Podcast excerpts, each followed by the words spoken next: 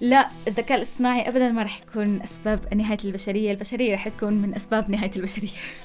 لا برضه هو مش هيكون سبب إنقاذ البشرية هو في الحالتين هينقذ ناس معينة وهينهي حياة ناس معينة تانية.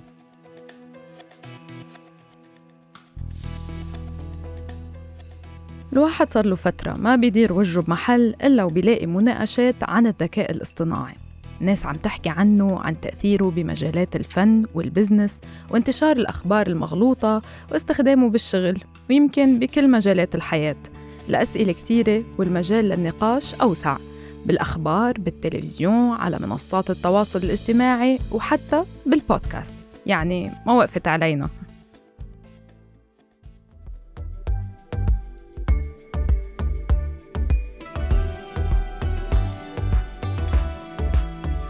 جيل بعد جيل نتوارث عالم ليس لنا وبدون أي مقدمات يصبح لنا.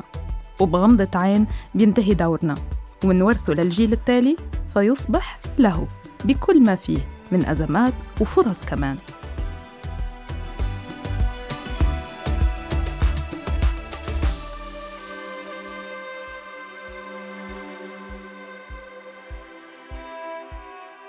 بودكاست لنا من مناظرات الدوحة. مساحة لتلاقي جيلنا اليوم. لمناقشة ومحاججة أفكارنا وتجاربنا على اختلافها. بنتلاقى ونختلف برؤياتنا لواقعنا ومستقبلنا. بلساننا. مهما تعددت آرائنا رح يضل صوتنا لنا, لنا.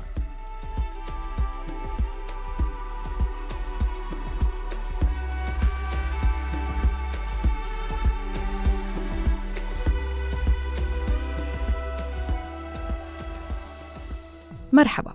أنا روعة أوجي وبقدم لكم بودكاست لنا من مناظرات الدوحة. بحلقة اليوم بدنا ندق باب عالم الذكاء الاصطناعي. رح نركز بالتحديد على الذكاء الاصطناعي التوليدي المعروف بال generative AI مثل تشات جي بي تي يعني اللي ما ضل حدا وما سمع عنه أو جربه. صحيح كل الناس عم تحكي عنه لكن لاحظنا أنه أغلب المناقشات عم تتناول الموضوع من عدسات ضيقة. الفنانين بيحكوا من منظور الفن رواد الأعمال بيحكوا عنه من منظور ال business وما هنالك نحن بدنا ناخد خطوة لورا شوي تنقيّم تأثير الذكاء الاصطناعي برا حدود مجالات توظيفه يعني كيف بغير حياتنا اليومية؟ هل رح يغيرها أصلاً؟ يعني ببساطة ما هو وضع المواطن العادي بسباق التطور التكنولوجي؟ هل المفروض نستمر بالتطوير؟ وشو الضوابط اللي المفروض نستند عليها؟ لنخوض هيدا النقاش معنا ضيف وضيفة تجاربهم وآرائهم كتير بتختلف بس بتتلاقى تحت مظلة هالموضوع الواسع. أنا اسمي رايا شاربين شاربين والشارب واحد. بنت الضفتين يعني من فلسطين وساكنة في الضفة الشرقية من النهر الأردن في الأردن عمان.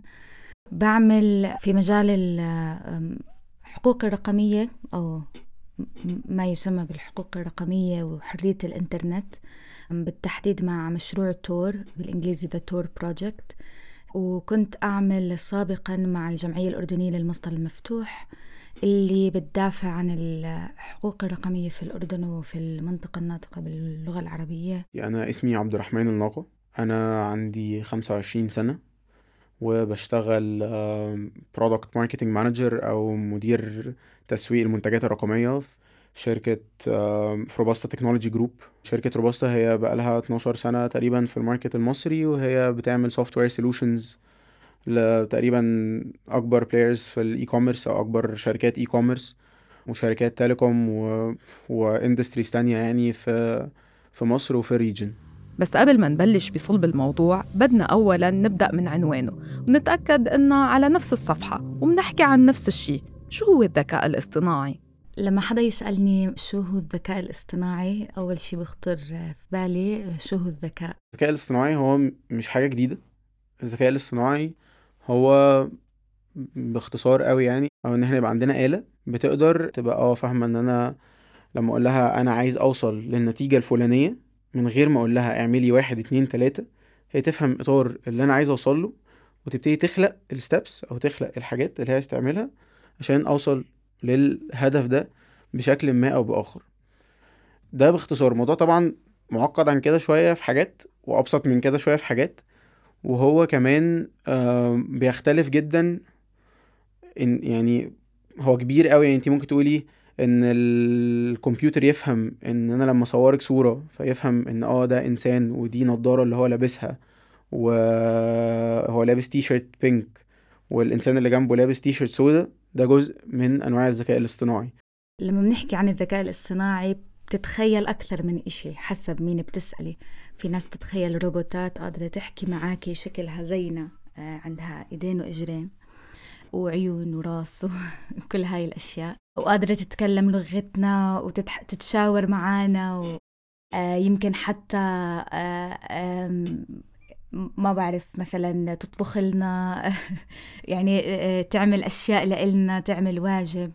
في ناس لما بتحكي لهم ذكاء اصطناعي بتتخيل أشياء تانية. مثلا خوارزميات آه، تعتبر بين قوسين ذكية إنها قادرة تفهمنا أكتر. تفهم إيش إحنا بدنا وإنه إيش إحنا عم نشعر وممكن تعطينا نصائح وما إلى إنه إلى آخره. الكمبيوتر عامة ما بيفهمش ما بيفهمش يعني إيه صورة ما بيفهمش يعني إيه كلمة ما بيفهمش يعني إيه مزيكا. هو الكمبيوتر كل ده بياخده بيحوله لأرقام تمام؟ وبيربط الأرقام دي ببعضيها. هو في الحقيقة عمره مفيش حاجة اسمها إن هو الماشين actually تفهم انتي بتقولي إيه؟ هو الماشين من كتر ما شافت محادثات حصلت قبل كده من كتر ما شافت معلومات حصلت قبل كده هي لوحدها ابتدت تدي احتمالية ان انت محتاج تسم عايز تشوف واحد اتنين تلاتة بسبب كل المعلومات اللي عندي. بس هي actually مفيش حاجة اسمها ان الذكاء الاصطناعي يفهمك as in actually يفهم اللي إحنا بنقوله أو مش at least مش بالطريقة اللي البني آدمين بيفكروا بيها. ما بيفهمنا بالشكل التقليدي بس بطريقته الحاسوبية بيفهم. وخلال شرح رايا وعبد الرحمن حكولنا عن أكثر من توظيف للذكاء الاصطناعي موجودين من زمان. ذكروا مثلا الخوارزميات وتقنية التعرف على الصور. التقنية نفسها صحيح بتطور مستمر لكنها مش جديدة. في أشياء أصلا تستند على الذكاء الاصطناعي نحن تعودنا عليها وما بنفكر فيها كتير. مثل خاصية ال autocorrect أو التعرف على الوجه والترجمة وغيرهم. الواحد بيصير يتعجب. ليش صاير للموضوع هالقد صيت هلأ؟ شو اللي بيميز تشات جي بي تي اللي أنتجته شركة أوبن اي آي الأمريكية؟ اللي هو تشات جي بي تي كان موجود يعني 3 و 3.5 هم موجودين already أصلا بقالهم سنتين. يعني هم و وجي بي تي models موجودة. كان في جي بي تي 2 قبليهم وكان برضو مبهر. وكان في آه، قبليهم محاولات كتيرة ف ف في أكتر من industry وأكتر من جهة فهي الحاجة موجودة فعلا بقالها كتير. اللي خلاها تضرب هي حاجة بسيطة جدا إن حد حط interface حد عمل website أوبن اي آي طلع website خلوا ال normal consumer الإنسان العادي يقدر يستخدمها. بتشات جي بي تي الإشي اللي أثار الاهتمام إنه أنا بقدر هلأ أدخل على موقع اوبن اي اي وأسجل وأبلش أستخدم جات شات جي بي تي. وين يعني طالما عندي access للإنترنت وعارفة أحكي إنجليزي عشان أظن موقعهم بس بالإنجليزي بقدر أحاول أستخدم شات جي بي تي. بس شات جي بي تي أصلا بيجاوبك أصلا باللغ... بكثير لغات. فصار في ترند والناس عم تستفيد في فايدة منه. يعني عندي أصدقاء عم بيستخدموه عشان يجاوبوا على الإيميلات. في عندي أصدقاء عم بيستخدموه عشان يعبوا proposals في ناس عم بيستخدموه عشان يعملوا واجب الجامعة أو المدرسة. فعنده عدة استخدامات. تقنية نسبيا جديدة استخداماتها واسعة جدا والوصول إلى صار ميسور. الحوارات والنقاشات والتخوفات من التطوير مش جديدة لكنها خرجت من حدود توظيفها بالمهن المختلفة وانفتحت للرأي العام.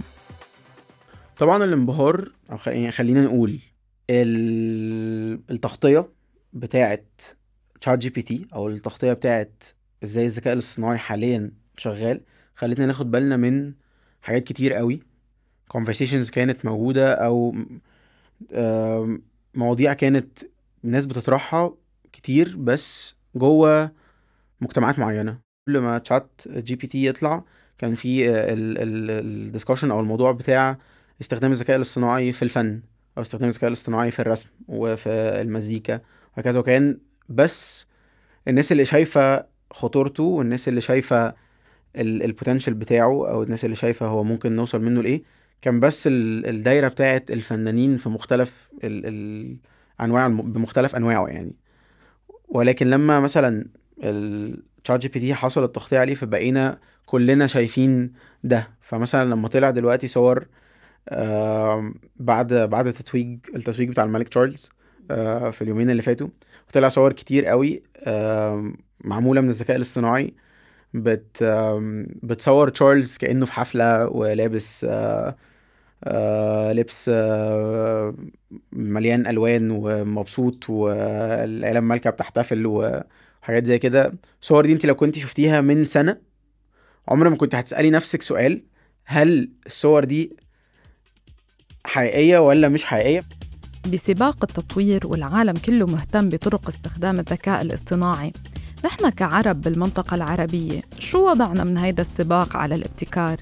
اللي عم بشوفه إنه في كثير شركات ناشئة عم تطلع وعم بتطور أشياء بتتعلق بالذكاء الاصطناعي. وموجودة في الأردن وموجودة في الإمارات وموجودة في كثير أماكن في تونس وكثير بنشوف شركات واشخاص مهتمين في هذا المجال. اللي عم بشوفه بالتحديد كتير في تركيز على موضوع فهم اللغة العربية من قبل هاي الخوارزميات ومعالجة اللغة العربية وهو موضوع جدا معقد. فهي السباق هنا إحنا مش بعاد خالص ما عندناش مشكلة في الريسورسز ما عندناش مشكلة في الفلوس وما عندناش مشكلة مشكلة في العقول. يعني إحنا نعتقد within العشر سنين الجايين أنا أعتقد في, ال في ال industry بتاعتنا بتاعت التكنولوجي إن في العشر سنين الجايين الاستثمار في السعودية وقطر آم، والإمارات. هو ده اللي هيكون المكان اللي هيطلع منه معظم الابتكارات اللي هتبقى بتغير حاجات كتير في العالم. عندهم رؤية لقدام إن هم يستثمروا فلوس كتيرة جدا ويستثمروا قوة عاملة كتيرة جدا في إن هم يخلونا أو يخلوا المنطقة مكان مركزي للتكنولوجيا في العالم. فبتلاقي ده في كل حاجة من أول بنى المدن الجديدة آه، زي نيوم في السعودية آه، زي كده كده اللي قطر عملته في, في, كأس العالم. مدن ده تكنولوجية جدا أو يعني التكنولوجيا فيها عالية جدا. وبتلاقيه في التشريعات السياسية زي إن السعودية دلوقتي بت بتطلب إن أي شركة تكنولوجيا تيجي تفتح فيها مقر رئيسي بعمالة مش مش قليلة وتضخ استثمارات بمبالغ معينة. ويكون فيها سعوديين بنسبة كبيرة. نفس الكلام بيحصل في في قطر نفس الكلام بيحصل في دبي وفي حاجات بنحاول نعملها في مصر. نعم في تشريعات وإرشادات من حكومات عربية لاستخدام تطبيقات الذكاء الاصطناعي. مثلا وزارة المواصلات والاتصالات بقطر أصدرت استراتيجية قطر الوطنية بمجال الذكاء الاصطناعي بالتعاون مع معهد قطر لبحوث الحوسبة. الإمارات ب 2023 طور الدليل تبني الذكاء الاصطناعي بالخدمات الحكومية. وكمان نموا كتيب رقمي بعنوان أخلاقيات الذكاء الاصطناعي الإرشادات والمبادئ التوجيهية. مطلعين دليل والأردن على فكرة مطلعة ميثاق آه، للذكاء الاصطناعي. بتحسي في بعض البلدان هيك ناسيين آه، كل المشاكل ال- السياسية والاجتماعية الموجودة وقرروا إنه هيك يتبنوا هذا الترند ويقولوا إنه إحنا على فكرة قد ما إحنا متطورين قررنا نتطرق لموضوع الذكاء الاصطناعي. آه إذا دول الخليج على سبيل المثال عندها الموارد اللي بتسمح للتطوير هل في فائدة أو جدوى من التطوير ولا هو بس تسخير موارد على حسب الترند؟ كثير بيعتمد على إحنا كيف طورنا هذا البرنامج مين اللي طور هذا البرنامج شو البيانات اللي عم نغذيها لهذا البرنامج شو نية الأشخاص اللي عم بيطوروا هاي هذا البرنامج؟ بالعادة أنت بتشوفي اللي إذا الشخص اللي عم بيطور البرنامج عنصري معناته البرنامج رح يطلع عنصري. إذا الحكومة اللي عم بتطور البرنامج بتقمع شعبها يعني البرنامج نفسه رح يقمع شعبه. هي أنا بحسها أكتر هي أداة. برنامج الذكاء الاصطناعي هو أداة ممكن يسهل بعض الأشياء. هي الفكرة إن كل منطقة في العالم أو كل بلد كل كلتشر كل مدينة عندها مشاكلها الخاصة اللي ممكن تستخدم نفس التكنولوجيا بالظبط تمام؟ بس تديلها environment مختلفة تديلها context مختلف عشان توصلي بيها ل- له- لهدف آه، مختلف أو توصلي بيها لحل مشكلة. هو مش آه، حاليا في الفترة أول ما طلع ما كانش محطوط له الكونتكست أو مش محطوط له ال السياق والحدود تمام؟ اللي انت تقدري توظفيه بيها في حل مشاكل معينة بالذات لل لل- للمنطقة بتاعتنا وبالذات للطريقة اللي إحنا بنتكلم بيها والمشاكل اللي إحنا بنواجهها. فإن إحنا ناخد ال ال البلوك ال- ال- الحجر الأساس ده ونبتدي إحنا نديله السياق ونديله المعلومات المختلفة وندربه إن هو يكون فاهم المنطقة بتاعتنا ده هيساعدنا نحل مشاكل كتيرة جدا. حتى لما بتخشي دلوقتي على websites اللي هي بتطلع الصور بتاعت ال ال ال Midjourney مثلا ده website أو يعني service ذكاء اصطناعي بتكتبي لها انت عايزة صورة مكونة من إيه تمام؟ وهي بت... بتعملها لك من الصفر. كان في مشكلة كبيرة قوي بالنسبة للفنانين في الموضوع ده بس يعني هكذا. انت لو دخلتي مثلا قلت لها عايزة أعمل صورة عن واحد عربي فهتلاقي جمل وهتلاقي صحراء وهتلاقي آه ال stereotype والصورة النمطية ال- القديمة عن العرب عايشين حياتهم آه إزاي؟ ما يمنعش إن في يعني ممكن يكون في عرب عايشين حياتهم كده ومش حاجة مش مشكلة بس ما فيش أي أثر عن ال- المواطن مثلا السعودي اللي عايش في الرياض دلوقتي هو حياته عاملة إزاي؟ بس عشان نعرف نعمل ده إحنا محتاجين نتيلرت لل لل region بتاعتنا محتاجين إن إحنا نفهمه إحنا مين ونفهمه إحنا مشاكلنا إيه ونبتدي نديله تجاربنا ال- السابقة عشان ن... ن... عشان زي ان إحنا نديله طريق ان هو يحل لنا مشاكلنا يعني. بالمقابلة كمان عبد الرحمن لفت نظرنا لشي كتير مهم. الذكاء الاصطناعي اخترع وصار أمر واقع. ولنستفيد كعالم عربي ونواكب العصر نحن مش محتاجين نخترع ذكاء اصطناعي جديد نستفيد منه. الآن هو سباق وزمن الابتكار يعني منبني على الموجود. نوظفه بطرق مختلفة ونغذيه لنستفيد منه مثل ما وضح من شوي. مش محتاجين نعمل دردشة جي بي تي لأنه ببساطة التقنيات الموجودة صارت تفهم اللغة العربية بمختلف لهجاتها لكن الجهود اللي ذكرتها رايا بتطوير اللغة العربية جايبة نتيجة يعني حاليا عايز أقول لك جي بي تي 3.5 اللي هو ال version اللي عملت الضجة كان وصل إن هو بيفهم اللهجات العربية وبيعرف يتكلمها بنسبة 60% وكان بيتكلم English يعني ال English بتاعه كان ال accuracy بتاعته آه، بنسبة 73 ونص أو 74% جي بي تي 4 اللي هو أجدد إصدار من من OpenAI ال accuracy بتاعته في العربي بلهجاته المختلفة فوق ال 80% هو أحسن من ال English بتاع جي بي تي 3.5 يعني ممكن يفيدنا بكثير أشياء تطوير اللغة العربية وإذا بنطور خوارزميات فعلا وقادرة تفهم اللغة العربية بكل أشكالها منها الترجمة. بس يمكن نبلش نشوف مثلا مؤسسات رسمية عم بتتبنى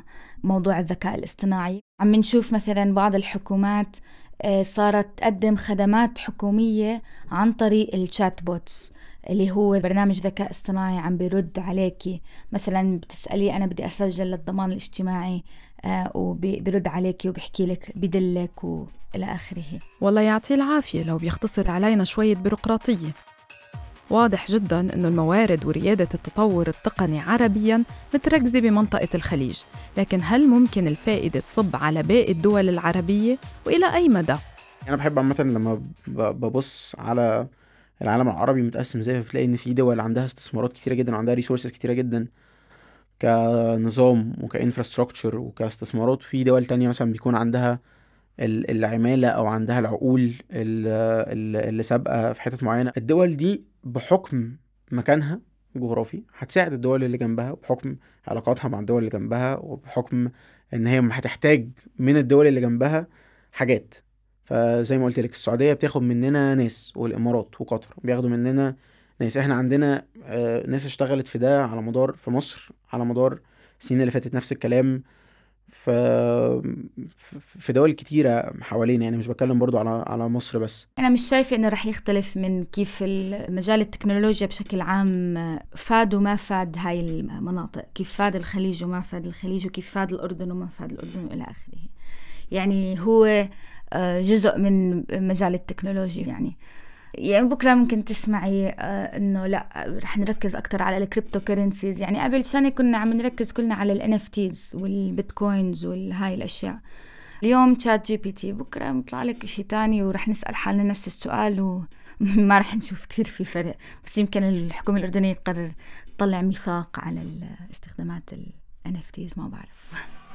على عكس رايا اللي شايفة القيمة من الذكاء الاصطناعي بس ما بدها تعطيها أكبر من حجمها عبد الرحمن تقريبا شايف المرحلة اللي عم نعيشها نقطة تحول تضاهي الثورة الصناعية.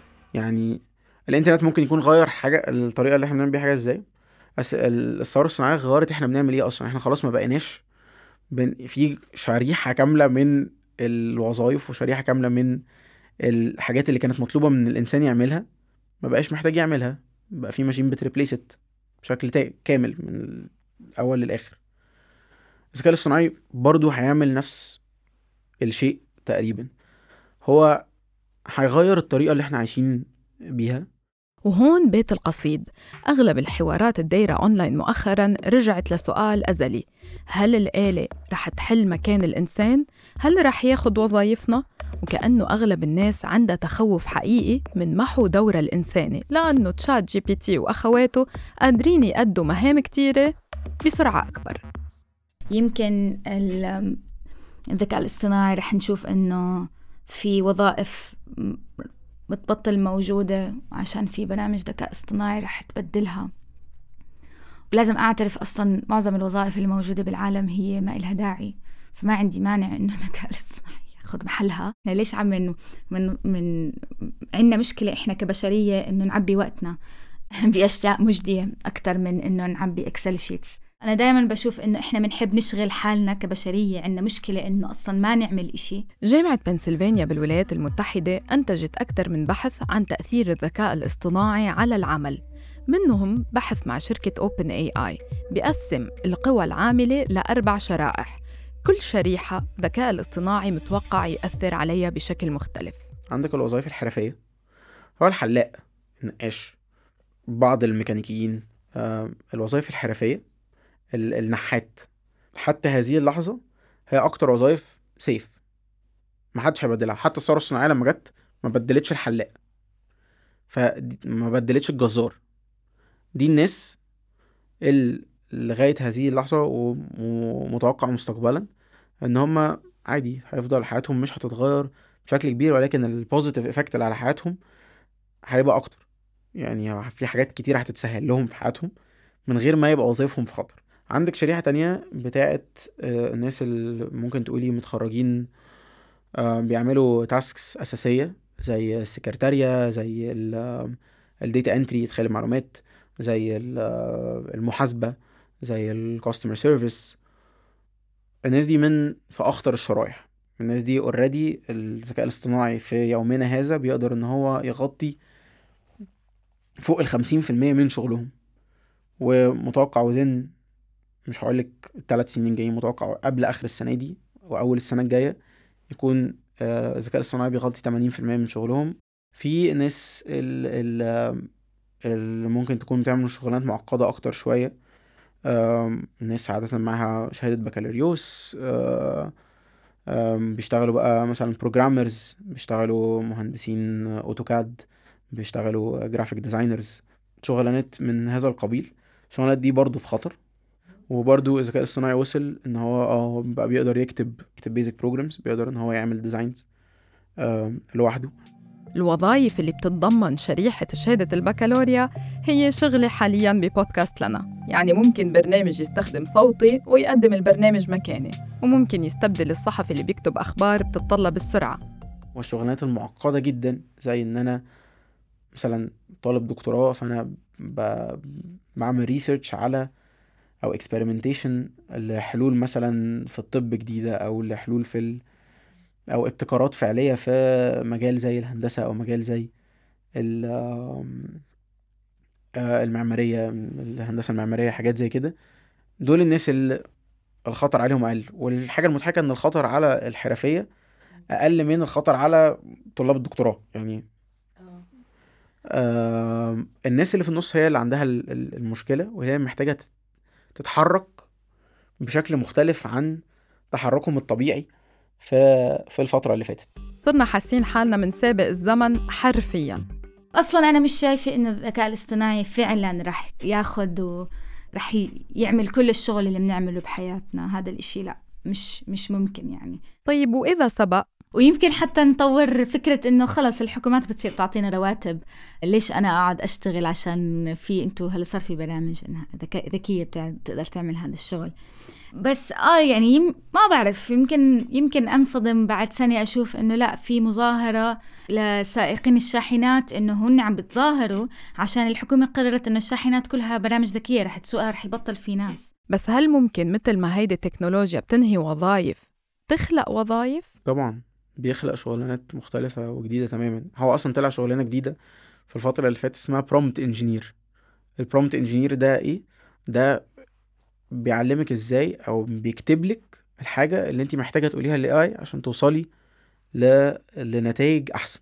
إزاي تتكلمي مع ال AI إزاي تقولي لل AI يعمل حاجة؟ إحنا ما نقدرش ننكر إن في شغلانات ممكن تختفي. الأغلبية يقدروا إيه توظيفه عمر ما كان التكنولوجيا لما بتطلع حتى لما بتشيل شغلانات بني آدمين عمر ما كان البني آدمين دول ملهمش توظيف تاني في حتة تانية. طب في شغل مثل صناعة المحتوى بيتطلب إبداع.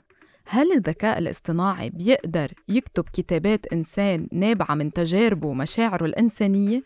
هاليومين في مظاهرات وإضراب قائم من كتاب التلفزيون بأمريكا؟ الكثير منهم تابعين لنقابة الكتاب الأمريكية. عم يحتجوا لأنه عصر البث برأيهم أدى إلى تآكل ظروف عملهم وركود بأجورهم على الرغم من انفجار الإنتاج التلفزيوني بالسنوات الأخيرة بالذات نتفليكس وغيرها من المنصات. بالمظاهرات في صور لكتاب ماسكين لافتات بتحكي فيما معناه إنه الذكاء الاصطناعي مش مفروض يبدل الإنسان. الذكاء الاصطناعي ما مر بتجارب مؤلمة أو ملهمة للكتابة. وجهة نظر بشرية ومنطقية. أنا الصراحة أنا شايفة أصلا نتفليكس معظم المسلسلات فعلا بتحسي برنامج ذكاء اصطناعي اللي كاتبهم عشان كلهم نفس الطريقة نفس الأسلوب نفس ال... ما في أي نوع من ال creativity والإبداع اللي عم بيكون موجود. فبصراحة يعني آه رح أتظاهر أنزل. أنا بدي أتظاهر كمشاهدة. أنا عندي تخوف إنه بصفي بتعرفي كيف إنه هلأ الكل عنده نفس كراسي آيكيا بكل العالم؟ إذا رحتي على أمريكا ولا وصلتي عمان ولا نزلتي تحت على على نيروبي كلنا عندنا نفس الكرسي الأصفر تبع إيكيا أو الكرسي الأسود هذا تبع إيكيا.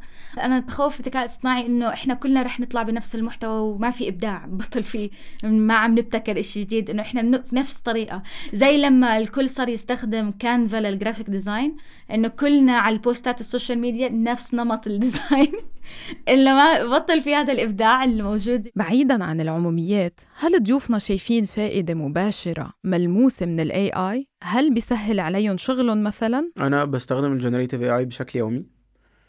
فأكتر من حاجة في شغلي أنا شغلي ك product marketing manager بيخليني أعمل tasks مختلفة بيخليني أعمل market research على industries معينة بيخليني آه، أعمل proposals أو presentations ل clients بيخليني آه، عادي بكتب emailات بعمل graphics ب design بخلي ال generative حتى يشتغل معايا ك debater أو كمناظر. فبقول له إن هو يتقمص شخصية ال client وأعرض عليه فكرتي وهو يقول لي المشاكل اللي ممكن تكون فيها وابتدي أحل المشاكل معاه لغاية ما أوصل لحاجة هو يقبلها. ولما هو يقبلها أروح أعرضها أنا على client وفي معظم ال cases هو بيتوقع فعلا المشاكل اللي عند ال client وبيتوقع ال client ممكن يقوله لي. فهو بيختصر لي أشواط كبيرة جدا. مثلا السرعة اللي بقيت الإنتاجية بتاعتي ممكن تكون زادت 30 40% إحنا عندنا في الشركة ال AI طلع يعني حتى ال programmers عندنا بقوا بيستخدموا tools AI بيزد بتساعدهم في كتابة الكود في حاجة اسمها GitHub Copilot هو ممكن اللي كان بياخد من ال developer تلات أربع ساعات عشان يعمله ياخد منه ربع ساعة أو عشرين دقيقة. بقت الإنتاجية بتاعتنا أعلى بكتير قوي من من زمان. وكمان منتجاتنا الطريقة اللي الناس بقت بتتعامل بيها بقت مختلفة جدا. أنا بمجالي امبارح فتحت ChatGPT بس كنت بدي أشوف شغلة. أنا بدرب صحفيين ومدافعين على حمايتهم. المراقبة وبتعامل مع موضوع الرقابة كمان والحجب الإنترنت. دايما بحاول آه، أشرح الأشياء التقنية بشكل مبسط أو بشكل يكون كثير إنه عشان كلنا نستوعب سوا شو المشكلة الموجودة وكيف نقدر نتعامل معها. فالسؤال اللي طرحته ل ChatGPT كيف ممكن أشرح موضوع معين بطريقة أسهل؟ ما حسيت إني استفدت منه أو منها أو من الأشياء هاد. حاولت يعني ضليتني هيك أتشاور مع ChatGPT. ويمكن اليوم أرجع أجربه. مش كتير بعرفش بس بعرف كثير ناس استفادوا منه. رايا شكلها بحاجة لدعم prompt engineer لكن خلينا نحكي جد شوي. هيدا التسارع الرهيب بتطوير مجال الذكاء الاصطناعي وتحديدا التوليدي ال generative ودخوله على حياتنا بسرعة مش لازم نقيم المساحة اللي عم نسمح له ياخدها؟ يعني لازم نرحب فيه بدون ما نحذر منه؟ مش يمكن عم يظهر لنا وجه حسن لكن مخبينا الأسوأ؟ هلا آه هو أمر واقع إنه عم بيتم تطويره بشكل كثير واسع من دون أخذ الاعتبار كثير أشياء. إحنا بعالم راسمالي بحت ومؤسسات اللي عم تطلع وعم بتحاول تبني أنظمة مساءلة للذكاء الاصطناعي كتير أضعف للأسف وإمكانياتها المادية حتى إنها تطور أساسياته الأرضية الأخلاقية والإنسانية كتير ضئيلة. طيب كيف بتكون سرعة التطوير والضبط؟ في عالمي المثالي إنه ما في مش برأيي ما في تخوف أصلا في تطويره كثير. أنا عندي تخوف باستخداماته السلبية من ناحية استخداماته العسكرية استخداماته لقمع الشعوب. برأيي إنه كثير صعب إنك تطوري برنامج ذكاء اصطناعي. شو ما كان استخدامه كمان إنه ما يميز بين الأشخاص ما يكون عنصري ما يكون إلى آخره. يعني برأيي إنه بس أنا ما عندي تخوف مثلا إنه يبد إنه يستبدل البشرية من هاي الناحية. يعني أكثر عندي عندي تخوف إنه هو لأ هو رح يمكن يكون آه، سلبي أكثر. محدش هيقدر يقول إن الذكاء الاصطناعي في خلال إن الذكاء الاصطناعي مش هيطلع منه مشاكل. هو اوريدي طلع منه مشاكل. مشاكل زي إيه؟ في مشاكل في استخدام الأطفال للذكاء الاصطناعي من منها النوع نوع المحتوى اللي هو ممكن يقدمها لهم. تمام؟ في مشاكل زي ما قلت لك مثلا في حاجة زي ال fact checking أو إن هو يقول معلومات صح أو مش صح. الذكاء الاصطناعي في الآخر هو program ال program ده في حد بيشغله في حد بيقول له اعمل task معينة. بس let's say خلينا نقول مثلا الانتخابات الأمريكية جاية وفيها دونالد ترامب آه نازل آه كمرشح مثلا آه Republican Party ممكن حد يعمل AutoGPT يقول لي اعمل ميديا coverage أو اعمل media campaign أو PR campaign لدونالد ترامب عشان يكسب الانتخابات. ده الهدف. إيه اللي الذكاء الاصطناعي هيعمله؟ حاجة إحنا ما نعرفهاش. ممكن بقى يخترع fake news عن آه، ليه دونالد ترامب ده أحسن حد في العالم. ممكن يخترع fake news عن ليه المرشح اللي ضده أسوأ واحد في العالم. ممكن ي create فيديو يخلق فيديو using حاجة زي ديب فيك للمرشح اللي ضده بيسرق مثلا. وينزله. وإحنا حتى هذه اللحظة مش دايما عندنا الآليات اللي تخلينا نكتشف الحاجة دي حقيقية ولا مش حقيقية. وإحنا كبني آدمين يعني لو ما عندناش غير إن إحنا ما عندناش الآليات إحنا كبني آدمين فشلة جدا في إن إحنا نفرق الحقيقة عن الحاجة المصطنعة. خلص معناه متفقين إنه لازم نبطئ وتيرة التطوير. طبعا ورانا مخاطر عملاقة وفي نفس الوقت ورانا بوتنشال عملاقة ورانا يعني فرص عظيمة لإن الشخص يحل بيها مشاكله ويحسن بيها من إنتاجيته يقلل بيها شعوره بالوحدة زي ما في خطور وطبعا ال ال الميديا بتلعب جزء كبير برضو في في وقت portrays يعني. فمثلا لما طلع ال article بتاعت إن حد كان بيكلم تشات جي بي تي وتشات جي بي تي أقنعه بالانتحار فانتحر. فدي مثلا خدت media coverage عملاقة. والناس عامة بتخاف يعني أو ال reactions بتاعتها للخوف بتبقى أعلى صوتها مسموع أكتر. من ال reactions بتاعتها ل ل positive emotions تانية. هقول لك حاجة يعني لو بصينا على التاريخ عامة في أي حاجة ليها علاقة بالتكنولوجيا فعمر ما الإنسان عرف إن هو يبطأ ال ال ال الابتكار أو عرف إن هو يبطأ الوتيرة اللي هو ماشي بيها وعمر ما الإنسان عرف يتوقع العواقب قبل ما هم يحصلوا. حتى لو بصيتي على التشريع القوانين اللي بتطلع قوانين لو يعني لو بصيتي على أساسها قوانين كتير قوي بتطلع بعد ما يحصل مشكلة بعد ما يحصل كارثة معينة بعد ما يحصل حدث معين فنقول آه إحنا محتاجين نقدم آه قانون أو تشريع معين يخلينا نعرف نتعامل مع ده. حصل فعلا. قوانين وتشريعات حماية الخصوصية ضلت تتطور بعد سرقات وتسريبات. التشريع عامة دايما بيجي بعد المشكلة مش قبل المشكلة والبني آدم ما بيعرفش يتوقع حاجة ما حصلتلوش قبل كده. يعني ده ده ده في المطلق اللي إحنا بنشوفه اكروس فتبطيء الابتكار عامة عمره ما بيشتغل وفي نفس الوقت محدش بيبقى شايف إن هو محدش مقتنع إن هو اللي بيعمله ده مثلا هيضر البشرية أو يعني هو كل حد من من وجهة نظره هيبقى شايف إن هو بينفع البشرية لو الاختراع ده ما كانش حصل هل إحنا كنا هنبقى عايشين حياة مرتاحة أكتر أو حياة أحسن ولا لأ؟ هو سؤال الصراحة صعب قوي إن حد يجاوب عليه. عشان عادي يعني إحنا قبل ال AI ما كانش حد مبسوط برضو بال بال بال بال بال current technology كانت الناس يعني اللي خلى الناس تحاول إنها تطلع ال AI إن الناس كانت في الآخر في نيتها إنها بتحاول تسهل حياتها. فالنية دي قائمة والهدف ده مازال قائم. فأنا عامة ك team أنا عامة كشخص أنا مع جدا إن إحنا ندوس بسرعة جدا ونسوق الدنيا ونحاول إن إحنا نبتكر بأسرع وتيرة ممكنة في الذكاء الاصطناعي بغض النظر عن مخاطره. آه نحاول على قد ما نقدر إن إن إحنا ندي الحدود وندي السياق. في الحاجات اللي إحنا هنعرف نفكر فيها.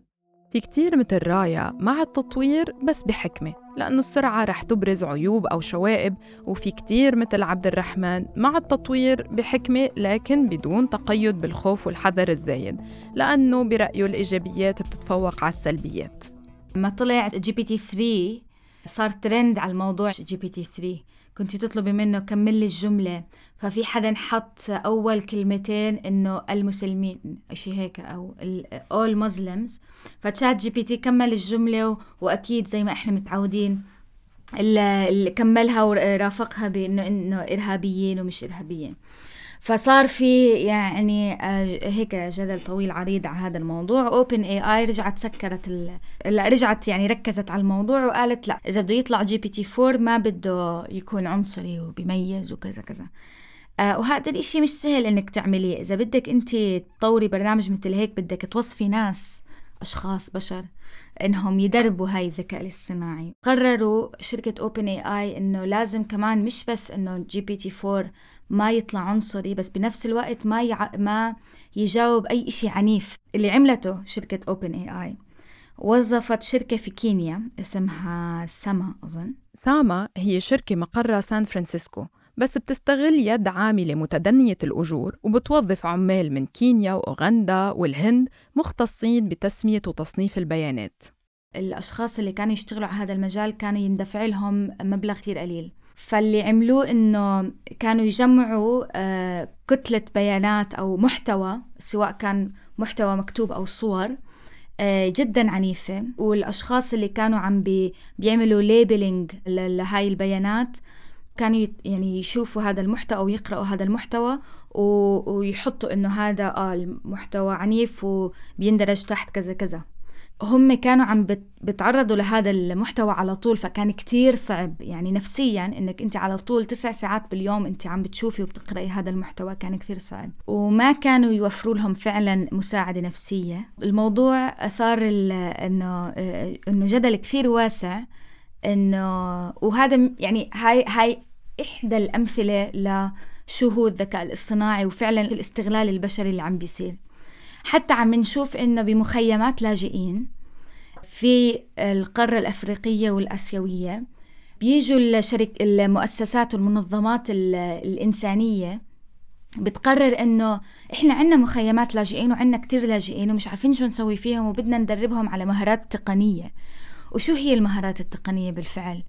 كثير منهم بيقعدوهم بغرف آه، فيها كمبيوترات وبيقولوا لهم أنتوا لازم تدربوا هاي الخوارزميات وبيعرضوهم لهذا المحتوى ولهاي الصور على طول. وبندفع لهم مرات ما بندفع لهم شيء اللي أنا بتمناه إنه عن جد نسلط الضوء على الاستغلال البشري اللي بيصير على موضوع الذكاء الاصطناعي.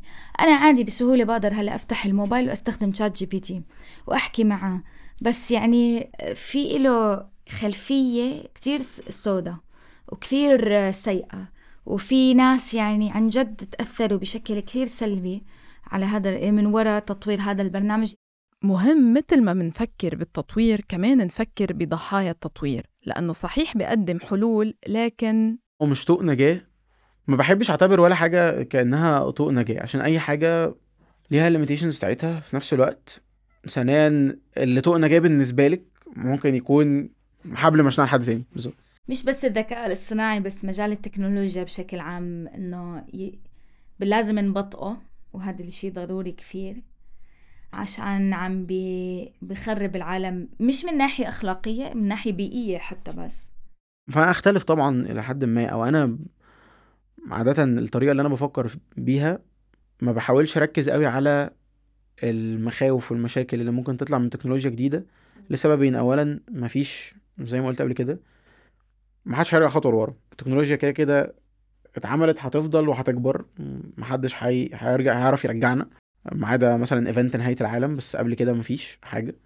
الحاجة التانية إن most probably أي حلول للمشاكل هتبقى من خلال نفس التكنولوجيا اللي خلقت المشكلة. زي أي مجال تاني. أنت بحاجة لوعي؟ أنا مع إنه كل المدارس هلأ تعلم هالشي وبشكل يعني قوي ومش بس إنه من ناحية إنه إحنا عندنا مخاوف لأ إنه شو هو الذكاء الاصطناعي وشو استخداماته وكل هاي. يكون في أصلا إحنا عندنا أمية في بالعالم كله عن شو هو التكنولوجيا وكيف التكنولوجيا بتشتغل. إحنا كلنا ال ال إذا إحنا الإنترنت ما بنفهم كيف بيشتغل ما بالك الذكاء الاصطناعي. فلأ هي إحنا لازم نسد هاي الفجوه الرقمية.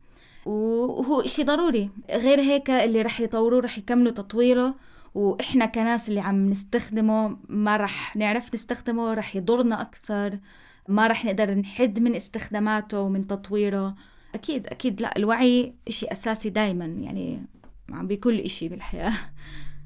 وأخيرا سمعنا رأي ChatGPT ويبدو أنه مستوعب موقف رايا وعبد الرحمن بنفس الوقت كتر خيره معدل تطور الذكاء الاصطناعي يتسارع بشكل ملحوظ في السنوات الأخيرة ويمكن رؤية ذلك من خلال التقدم الذي تحقق في مجالات مثل التعلم العميق والشبكات العصبية والتحليل الضخم للبيانات والتعلم الآلي المعزز. ومن المتوقع أن يستمر هذا التطور في المستقبل بما يمهد الطريق للكثير من الابتكارات والتطبيقات الجديدة.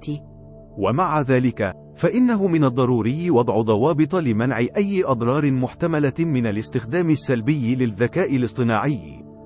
يجب أن يتم تطوير الذكاء الاصطناعي بطريقة تضمن السلامة والأمان والمسؤولية، ويجب تطوير نهج متعدد التخصصات والمشاركة المجتمعية لإدارة وتنظيم استخدام الذكاء الاصطناعي. ويمكن أن تشمل هذه الضوابط القوانين واللوائح المنظمة للاستخدام الآمن والمسؤول للذكاء الاصطناعي، وتطوير الأخلاقيات المهنية والمعايير الدولية لتنظيم استخدام الذكاء الاصطناعي.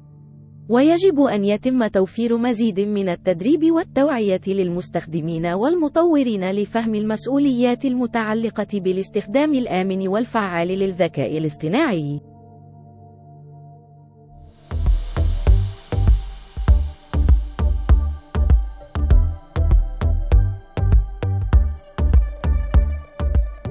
بالتوازي مع تسارع التطور التكنولوجي الهائل بمجال الذكاء الاصطناعي بين الغرب والشرق يمكن العالم العربي عنده فرصة يقدم ابتكار بصياغة العلاقة الأخلاقية والمعنوية بين البشر والتكنولوجيا. لو وصلتوا لنهاية الحلقة بشكر حسن إصغائكم إلنا. لضيوف الحلقة ول ChatGPT كمان. احكوا لنا أنتم شو رأيكم بتطور الذكاء الاصطناعي؟ من شو بتخافوا ولا شو متحمسين؟ شاركونا آراءكم عبر حسابي at rawak r a w a k وصفحة فريق مناظرات الدوحة عبر at دوحة debates a r d o h a d e b a t e s a على انستغرام وتويتر وفيسبوك.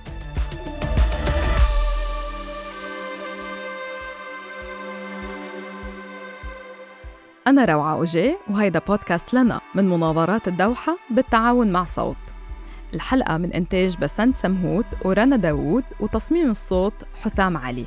موسيقى البرنامج من تأليف استوديوهات كتارا مناظرات الدوحة هي إنتاج من مؤسسة قطر.